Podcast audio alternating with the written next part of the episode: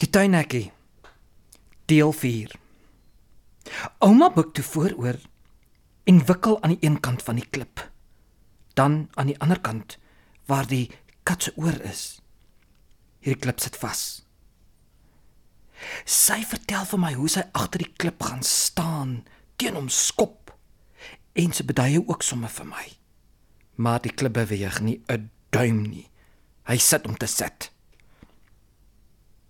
Toe buig ouma en grou halfhartig 'n slootjie om te kyk hoe diep die klip in die grond begrawe lê. Hy is diep, vrou, sê oupa. Hy mag diep wees, maar hy het nie 'n ma of 'n pa nie, sê ouma.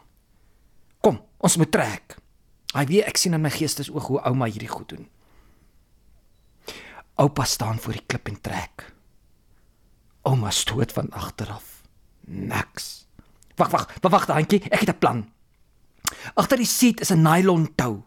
Ons kan die tou aan die klip vasmaak en die ander punt aan die 1400 en dan trek die bakkie hom uit. Ouma vertel toe vir my hoe oupa die tou uit die bakkie gaan haal en met die ding so oor die arm aangestap kom. Hy bind eers die een punt aan die klip vas met so groot popensknoop en dan die ander punt aan die bakkie, vertel ouma vir my. Toe hy klaar is, sê ouma, nou toe daantjie. Ek gaan nou stadig wegtrek en jy moet kyk dat die klip nie te vinnig uit die grond uitlig nie. Ek wil nie hê hy moet in stukke by die huis aankom nie. Ouma stap na die 1400, staart hom en ref hom so 'n bietjie. Oupa bekyk die spul. Oupa beduie weer met die regterkant van sy hand dat sy maar kan vorentoe ry. Vertel ouma nou vir my en ek kan voel hoe die lag in my opbou hy. Hoe lyk hy dan nie? skreeu ouma by die venster uit. Haar regter elmboog hang teen die buitekant van die deur en sy loer oor haar regter skouer met haar kop wat ook teen die tyd by die venster uithang. Stadig nou, stadig nou, stadig nou. Gee 'n klein bietjie vet, klein bietjie vet. Wow, stadig eers. Die tou span nou baie styf. Ouma vertel vir my dat oupa soos 'n kat om 'n warm plaas staan en rondtrippel. Wat sê jy, Dani? Ek sê stadig nou eers, vrou. Nou goed, trap maar die vet. Nog bietjie. Nog bietjie. Ditsim. Vertel ouma hoe oupa sy bes doen om hierdie klip tog net uit die grond gelig te kry. En daar langs die pikniktafeltjies, naby die lokasie, rol die klip uit sy gat. Nou vir die laai, het ouma gesê. Kom daantjie, kom kom kom. Haal daardie seiltjie van die bak af. Ons gaan hierdie klip op die seiltjie rol. Dan gaan ons hom so met die seil en al lig tot op die bak. Dit sal makliker wees as wat ons die klip so self moet optel. Oupa wou nog iets sê, maar ouma het die seiltjie gevat en dit so reg voor die klip op die grond oopgerol. Nou toe. Nou moet ons aan die punte van die seiltjie vat. Dan lig ons hom so mooi op tot by die bak. Ouma gee die orders net soos sy kan as hy eers optree is. Ai, o tog my mens. Ek kan nou al in my gedagtes sien hoe ouma langs daardie seiltjie gaan staan en haar hakke so effens in die grond inskop, soos 'n os wat wil storm.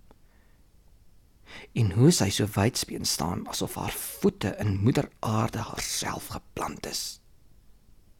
Dan het sy nog 'n rok aan. So haar bene kan net so ver oop. Ek kan al sien hoe sy vooroor buig en die punte van die seiltjie vasvat. En met die stem van haar sê: "Nou toe Dani.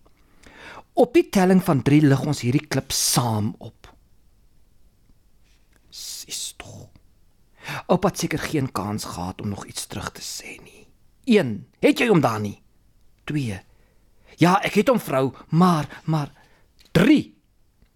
En ouma vertel vir my sy het daardie 3 net ekstra hard gesê vir 'n bietjie woema en daar lig hulle die klip op tot op die bakkie. Ek wonder net hoe die arme bakkie se springs dit gehou het, want ouma sê dis net genade van bo, want daardie bakkie se voorwiele plat op die aarde gehou het. Die aflaai was nou glo baie makliker, vertel ouma. Ouma het die 1400 gereverse dat die gatkant van die bakkie mooi bo kan die plek is waar die klip moet lê. Sy trek aan die regterkant en oupa aan die linkerkant. En daar val die klip gat oor kop, netjies op sy plek. Net hier, hier waar hy nou lê. Ouma sê toe vir oupa dat hy die blikkie wit verf in die garage moet gaan haal, sodat al die nommer op die stukkie van die klip verf wat soos 'n katoortjie lyk. Toe oupa terugkom, is ouma reeds gehurk voor die klip, vertel ouma vir my met 'n diep tevrede glimlag. Hy maak die blikkie verf oop, hurk langs haar en daar verf hulle saam die huisnommer op. Nommer 63. Ja, wragtig. Dit was so mooi. Ouma vertel te vir my hoe sy en oupa daar so langs die klip gesit het en die nommer saam opgeverf het. Soos wat mens seker nou maar 'n boek sal teken as jy getroud raak, dink ek by myselfers. Ek vra te vir ouma, hoekom nou juis daardie klip? Sy sê toe: "Jong, sien jy daardie berg? Dis dieselfde klip as hierdie klip. En die kerk is ook van dieselfde klip gebou. Ek en oupa is in daardie kerk getroud. Dis hoekom. Dis 'n simbool.